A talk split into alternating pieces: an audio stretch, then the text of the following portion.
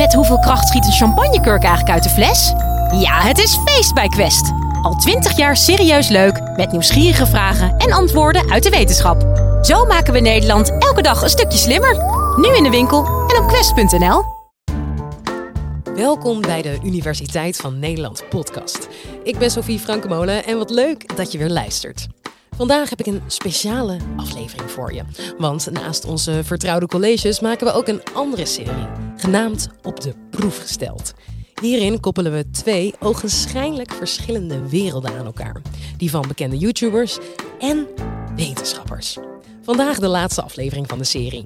Master Milo, de grootste techneut van YouTube, Pas op, dadelijk breng je allemaal mensen op ideeën. In gesprek met werktuigbouwkundige Tom van der Zanden van de TU Eindhoven. Ja, je krijgt een WhatsAppje van je auto dat hij tegen de paal aan is gereden. Dat zou toch wel jammer zijn. Je kunt Master Milo kennen van zijn YouTube-kanaal, waar hij zich bezighoudt met auto's, tanks en, nou ja, eigenlijk alles wat een motor heeft. In deze aflevering praten hij en Tom over hoe een zelfrijdende auto beslissingen neemt. Welke techniek maakt dat mogelijk? Dus altijd al meer willen weten over de magie van de zelfrijdende auto? Let dan vooral goed op. Enjoy! Dit is de Universiteit van Nederland.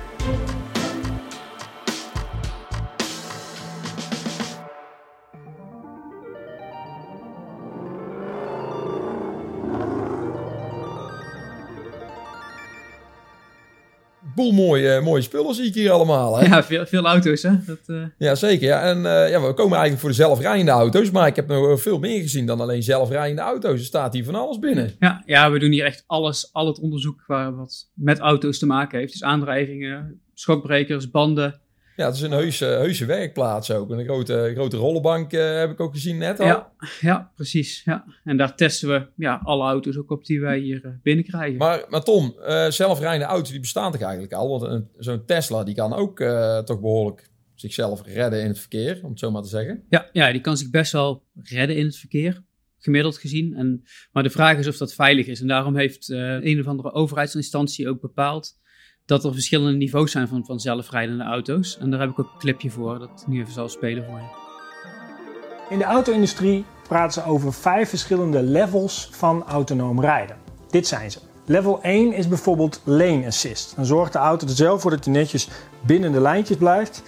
Nou ja, dan kunnen auto's al lang en dat mag je niet echt autonoom noemen. Eh, level 2 is lane assist in combinatie met radar cruise control. Dus dan houdt de auto ook afstand tot de voorganger. Nou voelt al iets autonomer. Ja, level 3 is volledig zelfstandig rijden, maar dan in hele specifieke situaties. Zoals bijvoorbeeld files, snelwegverkeer tot maximaal 60 km per uur. Eh, ga je eenmaal harder, dan moet jij het stuur echt weer overnemen. Neem een afslag, dan is ook de beurt weer aan jou. Dat mag dus nu officieel in Nederland. Level 4 is volledig geautomatiseerd rijden zonder input van de bestuurder, maar alleen in een gebied dat tot in detail in kaart is gebracht en als het fatsoenlijk weer is. Als een van die twee dingen niet geldt, dan vraagt de auto de bestuurder het over te nemen en doet hij dat niet, dan komt hij zelf volledig automatisch tot stilstand. Theoretisch kun je daar dus in slapen terwijl je naar je bestemming wordt gebracht. Het kan alleen zijn dat als het gaat regenen dat je opeens eh, wakker wordt op de vluchtstrook. Ja, level 5 kun je nu wel raden, dat is in essentie hetzelfde als level 4. Alleen dan min is dat rotweer, hij doet het bij alle omstandigheden en hij hoeft de omgeving ook nog niet tot in detail te kennen. Het stuur mag nu officieel de auto uit. Oké, dus, dus, eh, Tesla is dan eh, eigenlijk eh, nummer 4. Nee, Tesla is level 2, misschien, misschien 3. Hè? Ja, jij moet zelf opletten of die Tesla geen fout maakt. En als die Tesla een fout maakt, weet die Tesla helemaal niet wat hij moet doen. Dus je, je mag niet gaan liggen slapen eh, achter Nee. het stuur. Nee, geen Netflix, geen, eh, geen, eh, dutje op de achterbank, inderdaad. Nee, nee. Maar, hey, maar die level 5, dat betekent dat je helemaal geen rijbewijs meer nodig hebt dan. nee, level 5 is hetzelfde als de trein. Instappen en eh, Ja. je komt op bestemming. Dus dan, eh, dan kun je gewoon de kinderen naar school sturen met de auto. Zeg je, oké, ga maar daar naartoe. Ja. Want hoe werkt dat? Hoe geef je je bestemming in dan? Een app, denk ik. Dat, eh, Ja. misschien, misschien dat de auto wel weet dat de kinderen elke morgen om half negen naar school moeten. Ja, dit begint te toeteren op het moment dat ze op moet staan.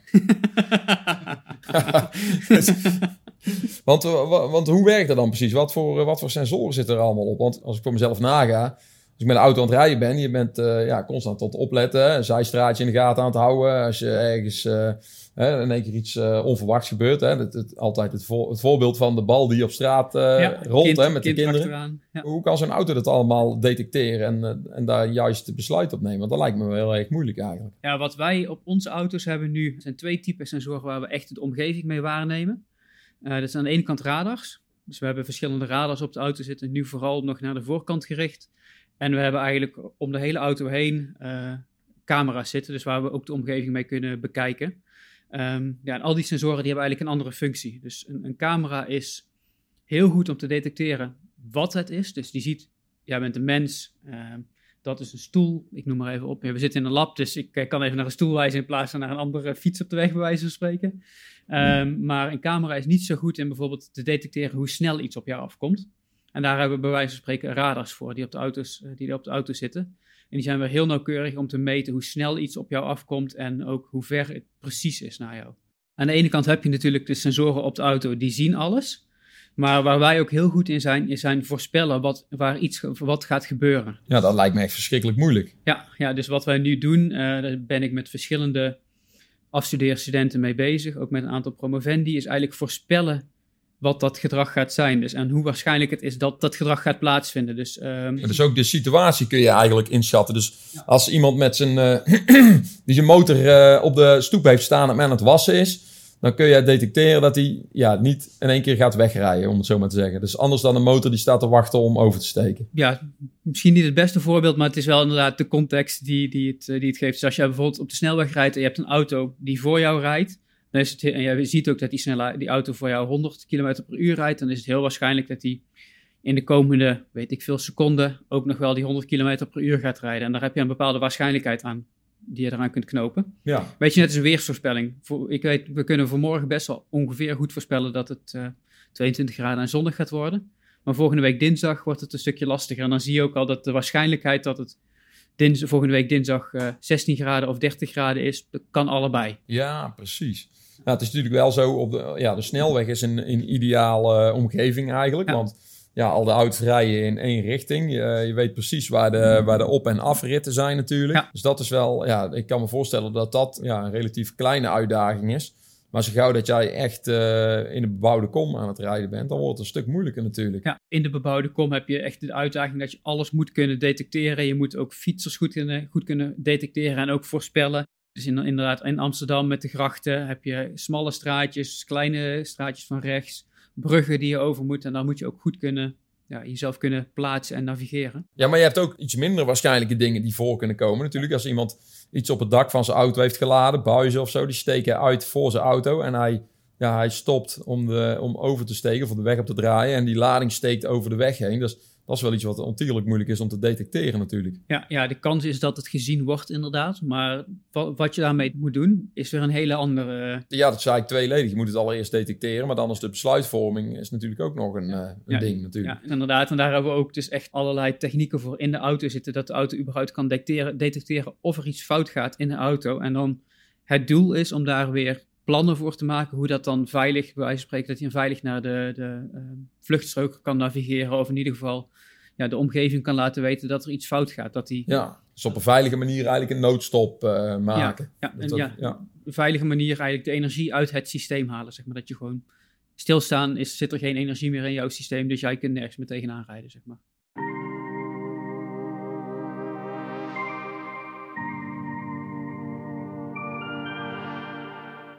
Ja, want je zei net, die, die Tesla's die kunnen wel zelf rijden, maar dat is, ja, dat is wel heel anders dan waar jullie mee bezig zijn dan. Want er zijn dus verschillende systemen, eh, als ik goed begrijp. Ja, ja. ja wat, wat je met een Tesla bijvoorbeeld kunt, is uh, je kunt achter een andere auto aanrijden. Uh, maar we hebben het net ook over veiligheid gehad. En om, ja, als je veilig wilt rijden, rij je heel ver achter een andere auto.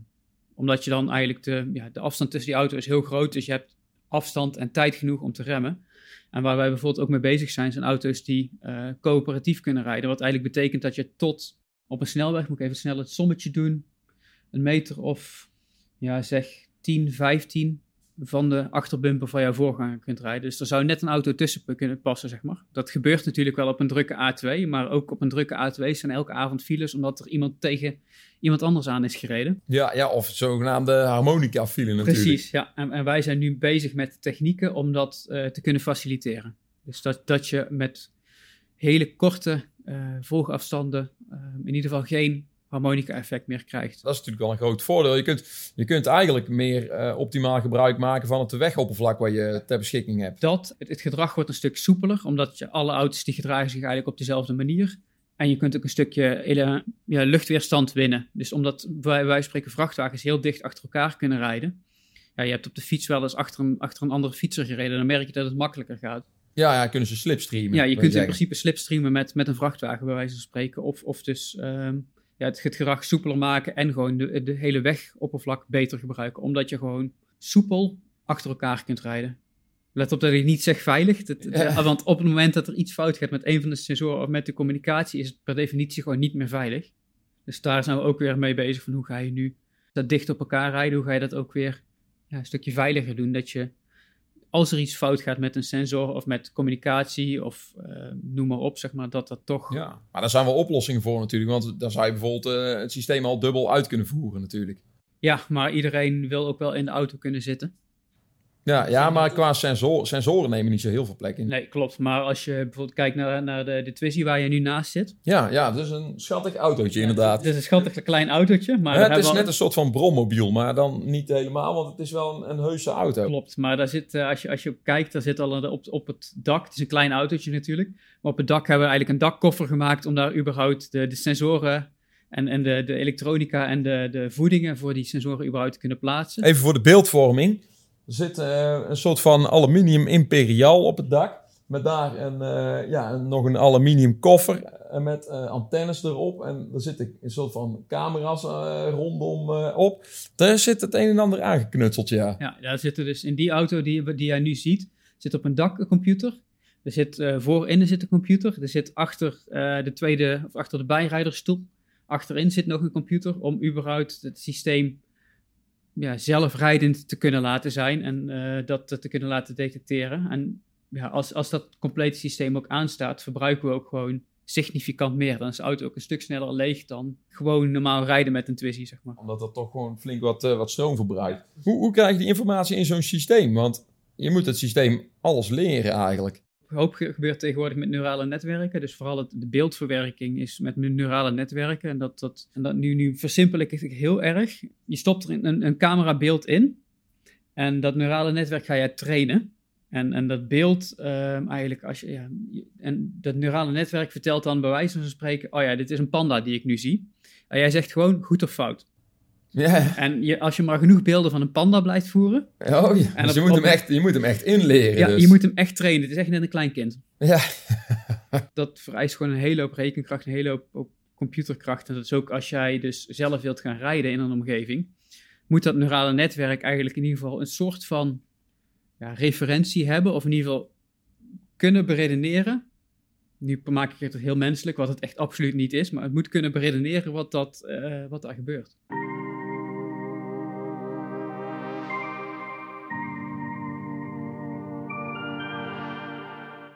Ja, ik moet, ik moet opeens denken aan een, uh, aan een kinderfilm die, we, die ik pas gekeken heb. Ik heb, uh, ik heb kleine kinderen en dan kijken we natuurlijk alle, alle, alle tekenfilms. Nou, de laatste The Mitchells versus The Machines gekeken. Voor ons gezin was de grootste uitdaging... waarschijnlijk de robotdreiging. Attentie alle robots. Persoon op deze planeet. Daar, uh, daar gaan de, de robots nemen dan de wereld over. En dan uh, hebben ze een hond, die, de Mitchells, dat is een familie. En die, die robots weten, snappen niet wat die hond is. Die hond ziet er een beetje raar uit. Dus die denken dat het een, een, een hond, big, hond, big, hond, big, een heel brood. En dan uh, gaat het helemaal fout. Dan ja, ze slaan ze op hol. Ja, ja nee, dat, dat is dus precies wat ja. er met een autonoom voertuig zou kunnen gebeuren als hij niet goed getraind is. Ja. En dat, ja dan... Maar dan detecteert hij het als iets fouts, maar dan loopt hij daar niet op vast. Dan denkt hij, dit is een, ja, uh, ja maakt niet uit, een tuinbank. En plotseling blijkt dat het toch een, uh, een auto is. Ja, zou zomaar kunnen inderdaad. En, en ja, als je daar dus gedrag afhankelijk gaat maken van wat jij denkt dat het is. Dus je denkt, nou, het is een bank of het is een, een auto. Ja. Die twee die zullen zich waarschijnlijk anders bewegen over de weg. Inderdaad. En, en om daar dus ook weer veilig, ja, veilig Maar dat systeem kan, bij, kan ook bijleren dan misschien. Dat is wel het idee. Je Ja, ziet dat, je ziet dat Inderdaad, met- dus eigenlijk, mm, ja, dat, dat systeem ontwikkelt zich steeds verder. Dus in de praktijk gaan er straks auto's met het systeem rondrijden, wat in de basis al ingeleerd is. Maar die auto's, die, ja, die weer, doen weer nieuwe waarnemingen, om het zo maar te zeggen. En die zullen dan die database eigenlijk blijven uitbreiden. dat, dat is wel de hoop inderdaad dat dat ooit zou kunnen, kunnen gebeuren. Maar ook weer daar. ehm, en nu gaan we echt voorbij van wat ik überhaupt weet van dit onderzoek. Je zou dat natuurlijk ook fout kunnen trainen. Stel dat alle auto's van elkaar gaan leren en er is een groep ergens in, eh, in, in, in een of andere regering besluit dat, ehm, dat zij graag dit willen saboteren. Dan gaan ze gewoon een hele hoop data genereren die fout is.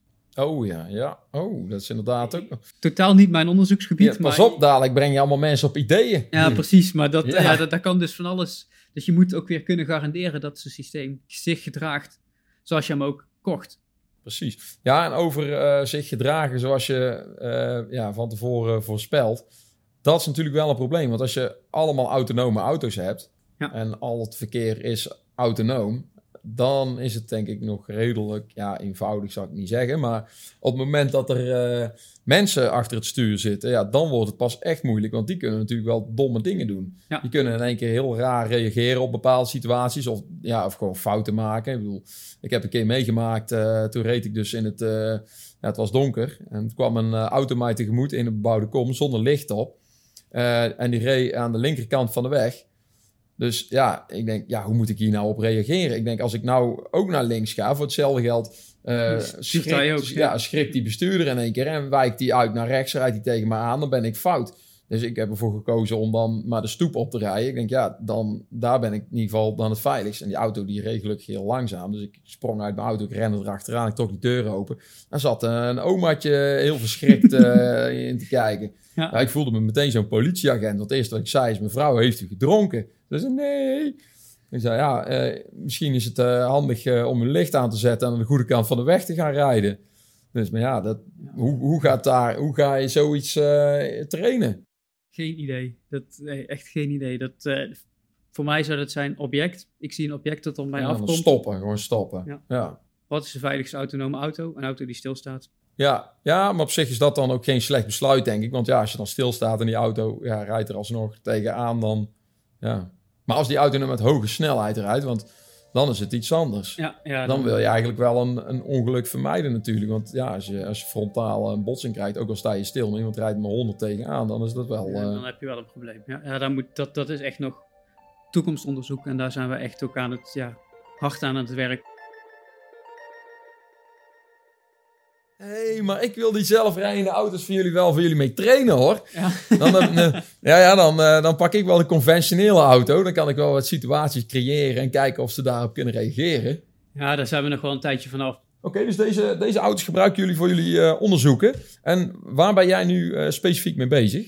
Ja, waar, waar wij heel veel aandacht aan besteden is eigenlijk coöperatief rijden. Wat eigenlijk betekent dat de auto's samenwerken en daardoor dichter op elkaar kunnen rijden en, en eh, minder wegoppervlak innemen. Dus dan communiceren ze eigenlijk. Dus als, eh, al- bij wijze van spreken, de voorste auto die stuurt een berichtje. Help, ik lig in de sloot, de brug is kapot.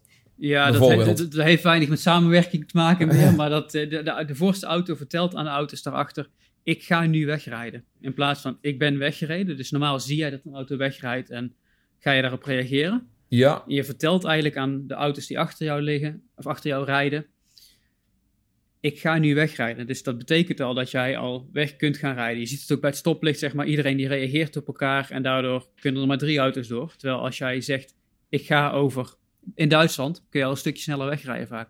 ja, ja. ja. In Duitsland heb je het bij wijze van spreken, dan, dan kunnen die auto's als een, eh, een blok wegrijden. Ja. Dus dan rijden er eh, veel meer auto's door het, eh, door het groene licht. En op dat moment gaan ze die afstand weer herstellen. Ja, ja, je kunt je dus voorstellen, dus als de auto, als je van de auto voor jou weet wat die gaat doen op de snelweg, dat je er ook een stuk dichter op, op kunt rijden. Het is niet alleen de techniek die hier een sprong moet maken. Ik denk dat het voor de mensen ook een hele gewaarwording wordt. Ja, dat gaat een hele, een hele grote Ja. gedragsverandering voor mensen. Bijzonder. Want het is wel leuk om dat, eh, de, om dat te benoemen. Maar toen de eerste auto's kwamen, toen eh, waren mensen ervan overtuigd dat het menselijk lichaam niet bestand was voor, het, eh, voor snelheden boven de 100 km per uur. En die dachten dat mensen dan dood zouden gaan als ze harder zouden gaan. Dat is echt waar. Ik heb nooit gehoord, maar dat, Ja. ik kan me het goed voorstellen dat ze niet harder dan een paard willen, inderdaad. Ja, maar dat is, ja, dat is ook gelukt. Dus, dus ja, dit zal, eh, het, is, het is weer gewoon iets waar mensen aan moeten wennen natuurlijk. Ja. hoe ver is dit nog weg? Er zijn, er zijn een aantal stappen. Ik verwacht dat we binnen, zeg, tien jaar misschien speciale stroken hebben waar auto's op een snelweg, waar alles dezelfde richting op gaat, autonoom kunnen rijden. Maar binnenstad Amsterdam, 30, 40 jaar.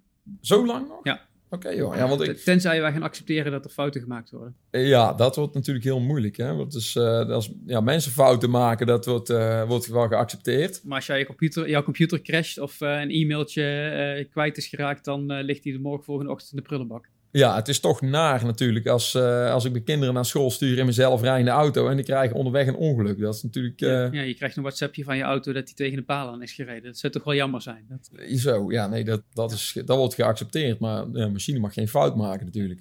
Maar dat eh, coöperatief eh, rijden, hoe, eh, hoe ver is dat nog weg?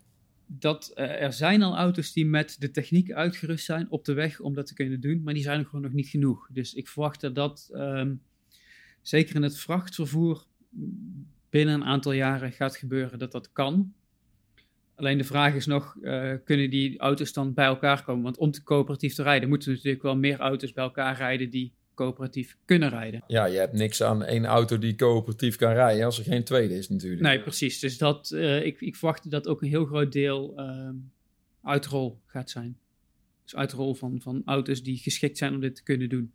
Maar dan moet je ook echt eh, de autofabrikanten daarbij bij betrekken natuurlijk. Maar die zijn er al bij betrokken wellicht. Die zijn er al wel bij betrokken. Ja, er zijn eh, verschillende projecten waar dit, eh, dit onderzocht wordt. Er zijn ook al ehm, afgelopen jaar, ik weet even niet van waar naar waar het was, ik meen van Rotterdam ergens naar, naar Midden-Europa, een, een kolonne vrachtwagens gereden of een platoon.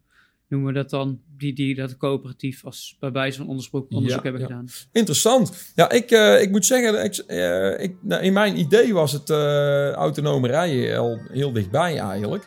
Omdat er al ja, toch al auto's zijn die dat dan enigszins kunnen. Maar ja, het echte zelf rijden, dat is nog... Ja, het echte zelfrijden is nog wel overal, is nog een hele tijd weg. We moeten gewoon eerst zorgen dat alle auto's veilig de omgeving zien. En vanaf daar kunnen we beslissingen gaan maken hoe ze zich in die, die veilige, veilig gedetecteerde omgeving überhaupt moeten manoeuvreren. Oké, nog, nog een boel onderzoek te doen dan. Ja, gelukkig hebben we de komende jaren nog eh, te gaan. Ja, goede, goede zaak. Nou ja, Tom, ik wens jou heel, eh, heel veel succes met je onderzoek. En ik, eh, ik ben benieuwd. Ja, We dankjewel. gaan, we gaan het vanzelf zien in de toekomst ja, natuurlijk. precies. Ja, dankjewel.